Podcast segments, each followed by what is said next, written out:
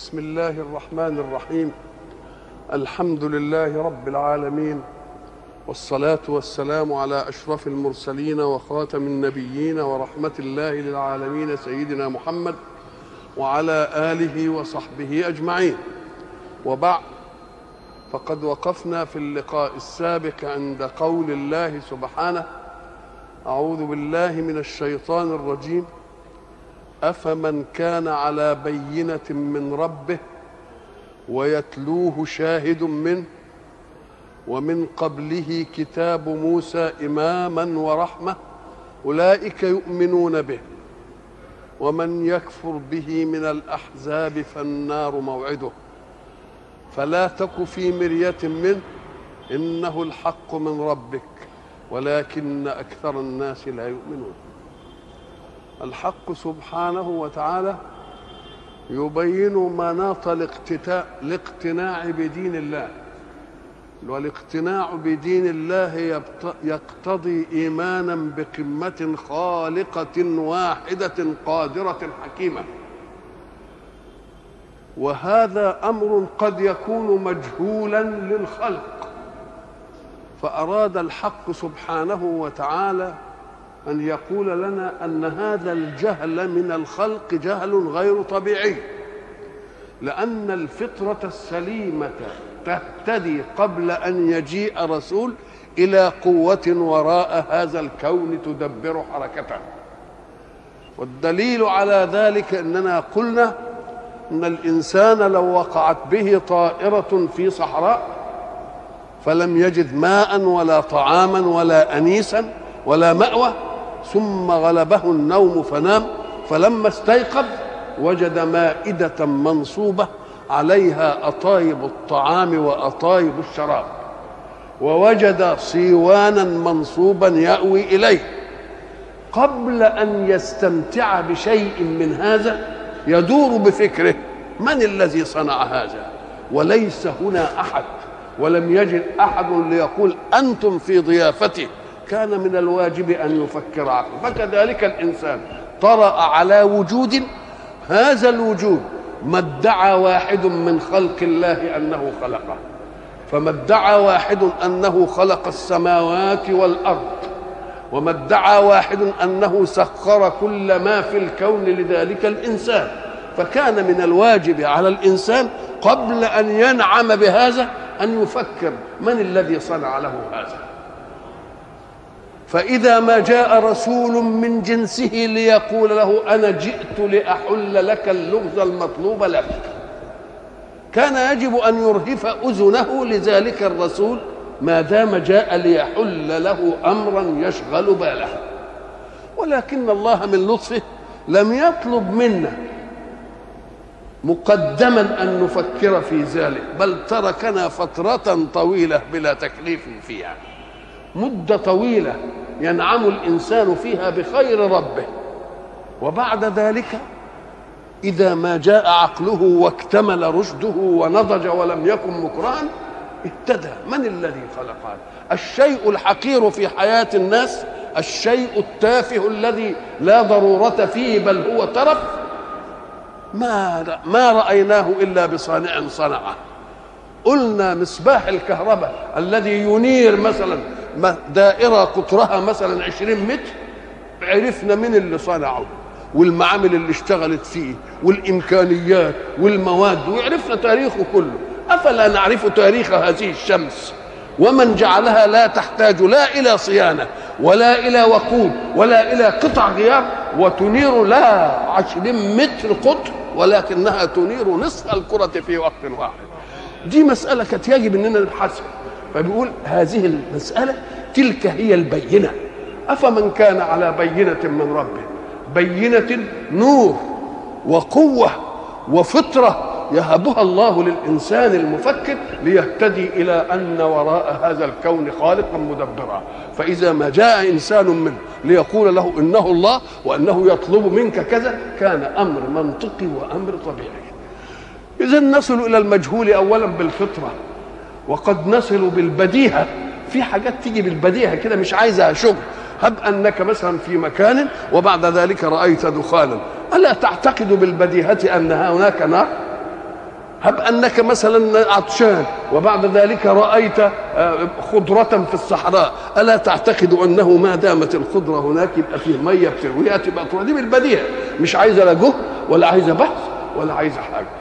وقد يتطلب الأمر جهدا عقليا بمقدمات.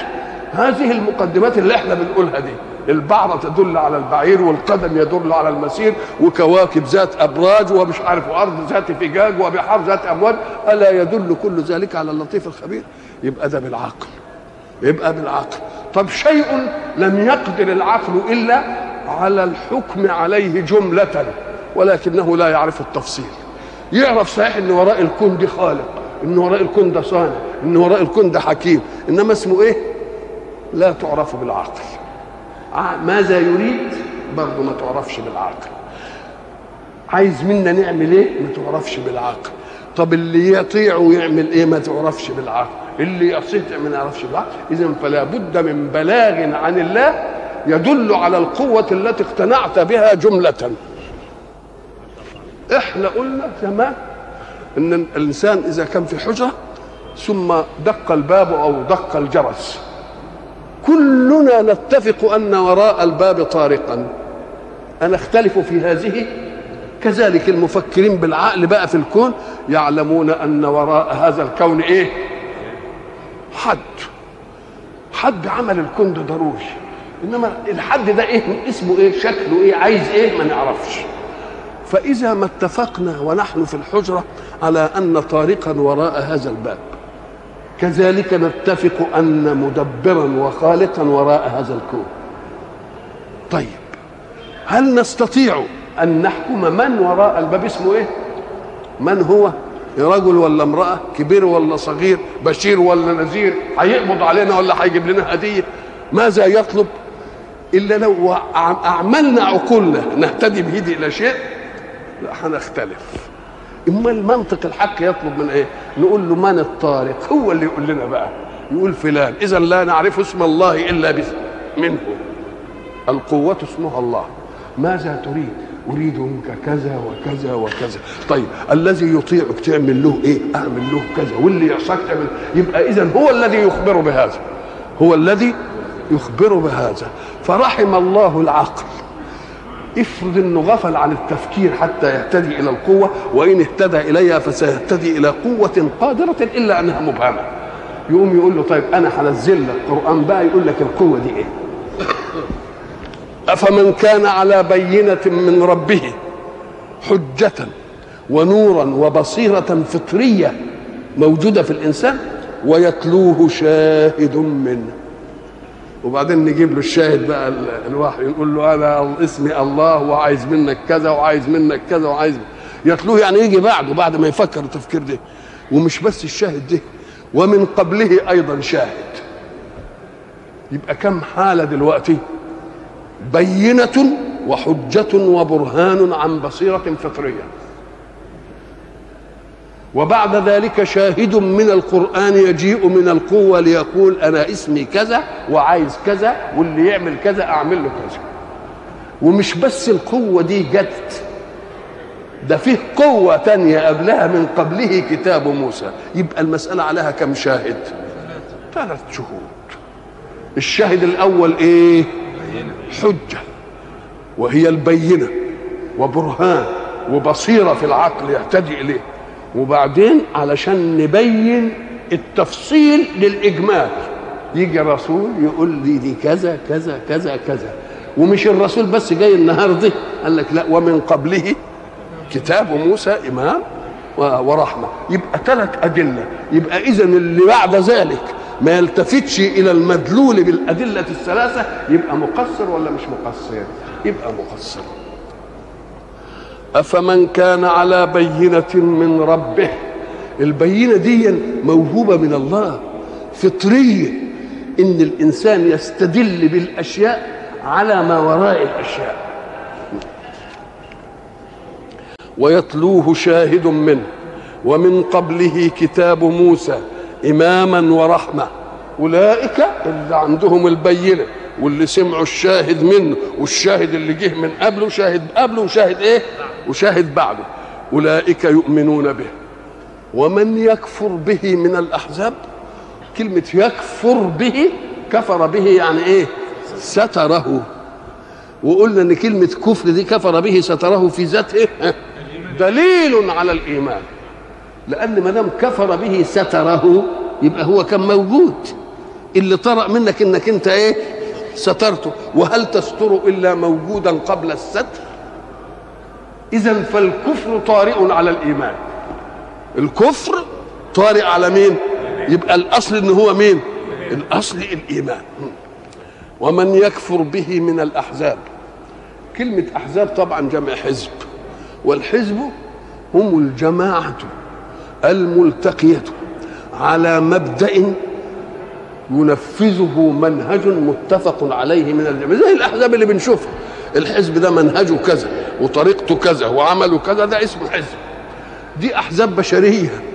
أحزاب بشرية يعني صراعاتها في الغايات وفي المناهج التي توصل إلى الغايات فكر بشر. هم حرين ما دام فكر بشر يقولوا اللي يقولوا ده يقول اللي يقولوا ده يقول اللي يقولوا ده يقولوا. إنما إذا كان هناك مخطط أعلى يبقى يلغي حتة الحزبية دي ولا لأ؟ ويبقى الغاية منه هو. والمنهج الموصل منه. هو ولذلك قال عليهم حزب الله. حزب مين؟ حزب الله. مش حزب بشري له فكر بشري يختلفهم ويتناقضوا ومش عارف إيه وعايزين يزحزحوا ده عشان يجي الحكم. لا لا لا اسمه إيه؟ حزب إيه؟ حزب الله. من يكفر به من الأحزاب؟ الأحزاب اللي هم مين؟ كفار قريش مثلا؟ عبدة الأوثان الصابئة اليهود النصارى كل دول جماعة جماعة جماعة مش متفقين فيما بينهم يبقوا أحزاب كل حزب بما لديهم إيه؟ فرحون. من يكفر به من الأحزاب فالنار موعده. يبقى الجزاء عليه إيه؟ عليه الجزاء النار. ومن يكفر به من الأحزاب فالنار موعده. ما دام المسألة قضية كده البينة والشاهد الأول والشاهد الثاني وفي أحزاب هيبقوا ضد الحكاية دي وبين الفريقين فيقول الله لرسوله والمراد أمته فلا تكن في مرية منه. ما تكونش في شك منه. ليه؟ لأنه قائم على ثلاث أدلة قوية. أدلة البينة الفطرية والهدى والنور المكتوب من الله والشاهد معه والشاهد إيه؟ والشاهد قبله. إنه الحق من ربك. وإحنا قلنا الحق هو الشيء الثابت الذي لا يعتريه تغيير. وحق ثابت ما يعتريش تغيير ما يمكنش يكون إلا من إله لا تتغير أفعاله. حق من إيه؟ من ربه. ولكن أكثر الناس لا يؤمنون. أكثر الناس لا يؤمنون مع أن عندهم وسائل الإيه؟ الإيمان. يبقى اللي ما يؤمنش مع وجود الأدلة الثلاثة المتقدمة دي يبقى ما بيامنش عنادا بقى. ليه؟ لأن الأدلة منصوبة بأقوى الحجج. وما دام الأدلة منصوبة بأقوى الحجج يبقى الذي يمتنع عليها يبقى إنسان إيه؟ معاند. وجحدوا بها واستيقنتها إيه؟ أنفسهم ظلما وعلوا. ولكن أكثر الناس لا يؤمنون. ومن أظلم ممن افترى على الله كذبا. تقول من أظلم من كذا؟ أنت بتستفهم. والاستفهام يقتضي جوابا. المستفهم هنا هو الله. وهل الله يستفهم؟ ولا بده ينطقك أنت بالحقيقة عشان ما تبقاش خبر منه. هو يقول إيه؟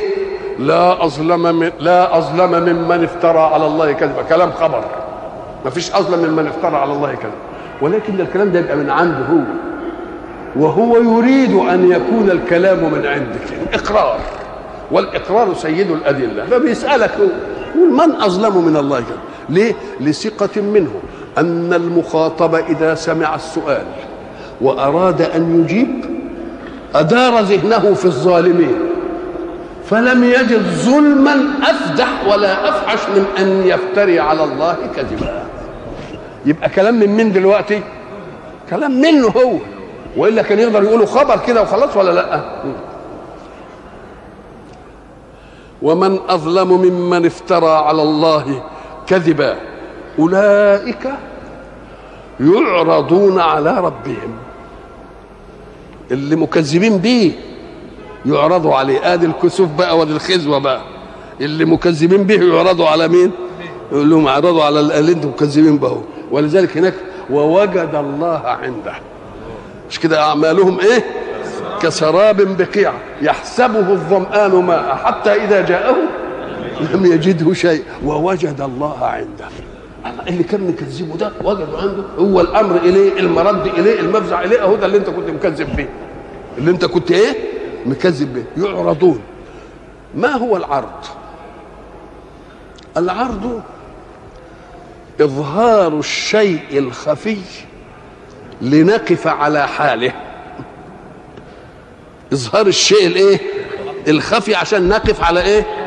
إحنا بنسمع مثلا استعراض الجيوش أو العرض العسكري. مش بنسمع كده؟ معنى عرض عسكري يعني إيه؟ أو استعراض الضابط للفرقة بتاعته الصبح كده. يستعرضها يعني إيه؟ يظهر الخفية فيها ليعرف الحال. يشوف بقى هل الجنود واقفين؟ وقفة ال أدي واحد. شوف هندمهم هندمهم مناسب كده لل يشوف مثلا إساقتهم للأمر ساعة ما يؤمر صفا ولا ما الله يبقى إذا العرض معناه إيه؟ إظهار الشيء الخفي إيه؟ لنتوقف على إيه؟ على حاله فالحق سبحانه وتعالى يظهر اللي كان مخفي ويجيبهم إيه؟ ويجيبهم كده زي ما قال النار يعرضون عليها غدوا وعشيا بس ده عرض على الإيه؟ عرض على النار. ويقول مثلا أيضا إيه؟ وعرضوا على ربك إيه؟ صفا. عرضوا على زي العرض العسكري تمام. علشان بقى يشوف حال كل واحد بقى وواقف اللي واقف خزيان بقى واللي واقف خجلان واللي واقف مستبشر كده بأنه عمل عمل كويس والتلاميذ عرضهم الناظر أو المدير المدرسة علشان يقول لهم على على نتيجة الامتحان. يبقى يا عين المقصر واقف شكله إيه واللي مش عارف من نص مذاكرة بس برضه نص حال كل واحد له إيه؟ يبقى العرض ليظهر الشيء الخفي لنقف على مين؟ على حال. العرض دي هل ليزيد الله علما؟ بقى ربنا بيعرض عشان يعرف. لا ده عشان يكشفنا قدام بعض. حتى إذا ما رأى إنسان في الجنة إنسان في النار ما يصعبش عليه. يعرف إن دي إيه؟ إن دي هو جزاؤه ويستاهل اللي هو إيه؟ اللي يستاهل اللي هو فيه. أولئك يعرضون على ربهم. ويقول الأشهاد هؤلاء الذين كذبوا على ربهم. ما هو اللي افترى على الله كذب. يقول هم دول اللي مين؟ اللي كذبوا على مين؟ على الله. ويقول الأشهاد. الأشهاد دي جمع. والجمع له مفرد. مرة يكون مفرده مثلا شاهد يبقى جمعه إيه؟ أشهاد. كنظير صاحب وإيه؟ وأصحاب. ومرة يكون المفرد بتاعه شهيد زي شريف وإيه؟ وأشراف. يبقى إذا الأشهاد جمع. يا شاهد يا مين يا شهيد. أشهاد جمع شاهد. أم قال لك إيه؟ والملائكة. ما يلفظ من قول إلا لديه إيه؟ رقيب عتيد. مش كده؟ وإن عليكم لحافظين إيه؟ كراما كاتبين يعلمون ما تف إيه؟ ما تفعلون. ده شهود من الإيه؟ من الملائكة. أو شهود من الأنبياء الذين بلغوه. فكيف إذا جئنا من كل أمة بشهيد. وجئنا بك على هؤلاء شهيدا وأيضا الشهيد برضو المؤمن من أمة محمد يسمع مقالة الرسول فيبلغها. جعلناكم أمة وسطا. إيه؟ لتكونوا إيه؟ شهداء على الناس. كلمة الشهادة دي لتسجل ما فعلوا ولتسجل أنهم بلغوا. إنهم بلغوا الإيه؟ بلغوا المنهج. ليه بلغوا؟ أم قال لك؟ لأن أصل في العقوبة لابد من جريمة. كل عقوبة لا بد أن تكون عن إيه؟ يبقى لا عقوبة إلا بجريمة. وما فيش تجريم إلا بنص. وما فيش نص إلا بإعلام. يبقى كم مرحلة؟ ولذلك أنشر في الوقائع الرسمية. يعمل به من من إمتى نشره في الوقائع الإيه؟ الرسمية. يبقى الأشهاد عشان يعملوا إيه الأول؟ علشان إن دي بلغ أن العمل الفلاني جريمة وأن جريمة العمل الفلاني وعقوبته كذا. عقوبته؟ وإن هو عمل كذا بشهادة اللي كتبه وشهاده بتاع يبقى اذا عايزين أشهاد متعددة ولا لا؟ أشهاد إيه؟ متعددة. وبعد ذلك يأتي الشاهد من الملائكة وهو من جنس غير جنس المعروضين والشاهد من الأنبياء وهو من جنسهم إلا أنه معصوم. والشاهد من من الإخوة الذين يشهدون أنهم بإيه؟ بلغوا. ثم تأتي شهادة هي سيدة الشهادات وهي شهادة الأبعاض على الكل. شهادة الأبعاض يوم إيه تشهد عليهم؟ ألسنتهم وأيديهم وأرجلهم الله. ألسنتهم هذه بعض وأيديهم وأرجلهم وقالوا لجلودهم ها لما شهدتم علينا؟ قالوا أنطقنا الله الذي أنطق كل شيء. أنطقنا الله الذي أنطق إيه؟ طيب هل الجواب مناسب؟ وقالوا لجلودهم لما شهدتم علينا؟ قالوا ليقيم عليكم الحجة بأنكم مذنبون. ما هو لما شهدتم إيه؟ لما مش كيف شهدتم علينا؟ كيف شهدتم علينا؟ ليه؟ لأن السؤال عن الكيف عند الوقوع ملوش لازمة لأن اللي حصل أهو اللي حصل انهم شهدوا. يبقى اذا السؤال عن الكيفية إيه؟ إنما السؤال عن لما. إزاي أنتم تشهدوا علينا؟ مع إن كنتم أنتم كنتم أدواتنا في الجريمة. طب ما هي الإيد اللي سرقت؟ مش كده؟ واللسان هو اللي قال زور والقلب هو اللي حقد. والرجل هي اللي مشيت للمعصيه يبقى لهم شهدتوا ليه ده أنتوا آه. إزاي بقى؟ قال لك لأن لأن العمل في الدنيا ميزانه الملكي غير العمل في الآخرة. ليه؟ قال لك الإنسان مركب من جوارح والجوارح دي لها أجهزة. الأجهزة دي أجزاء تكون الكل الإنساني. لها مدير. المدير ده هو الايه؟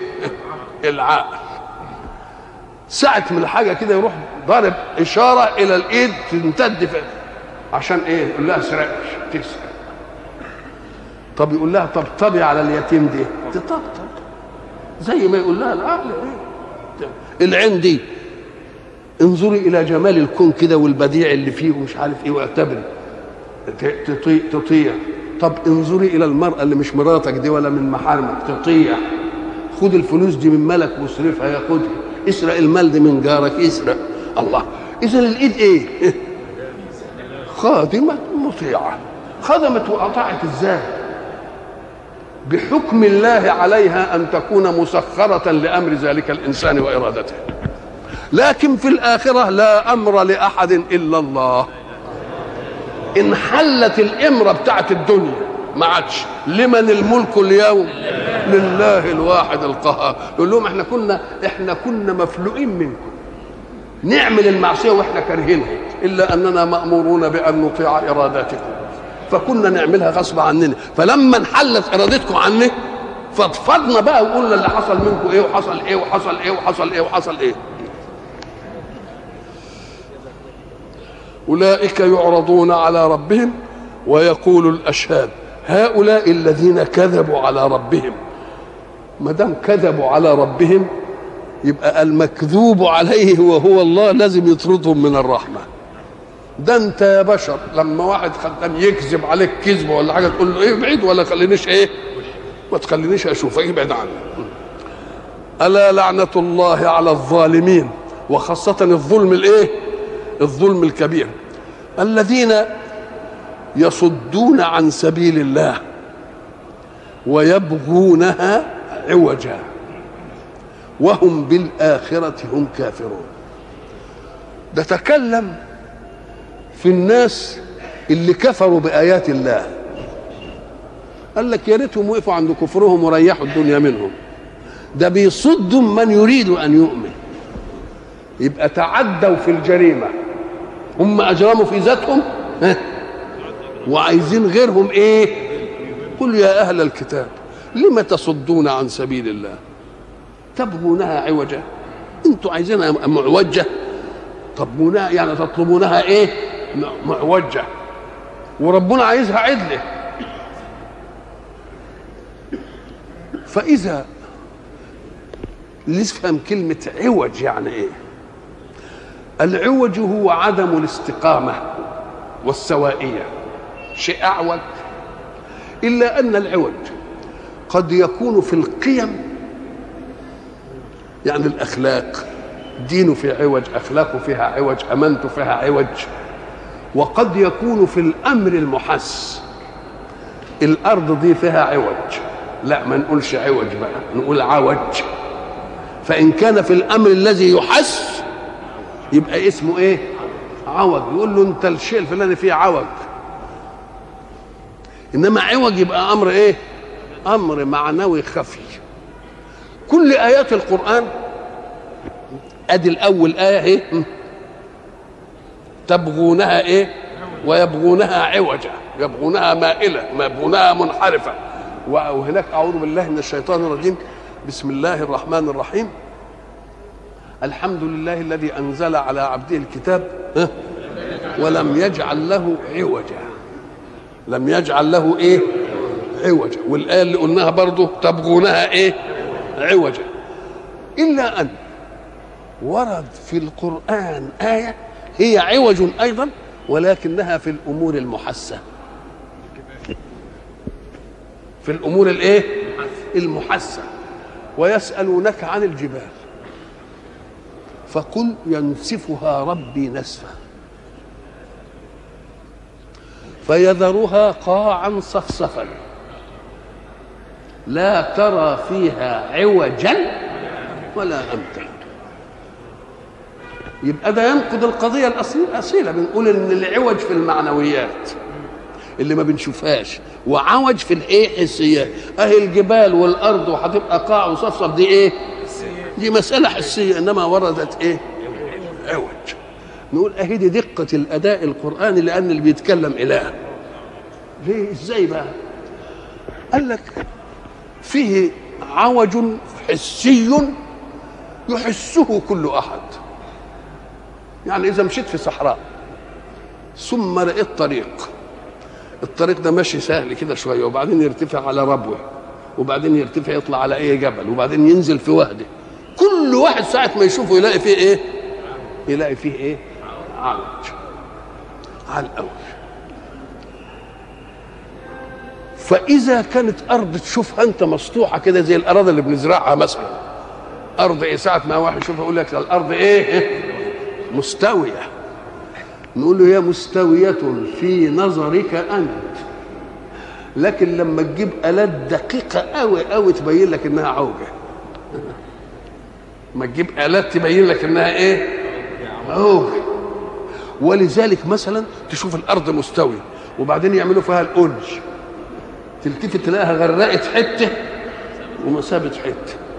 الله بقى لما جت المية اللي هي ميزان كل الأشياء عرفنا إن فيها إيه؟ إن فيها إيه؟ عوج. نقوم نجيب ميزان المية. ده في الأشياء بقى اللي عايزين نحكمها قوي.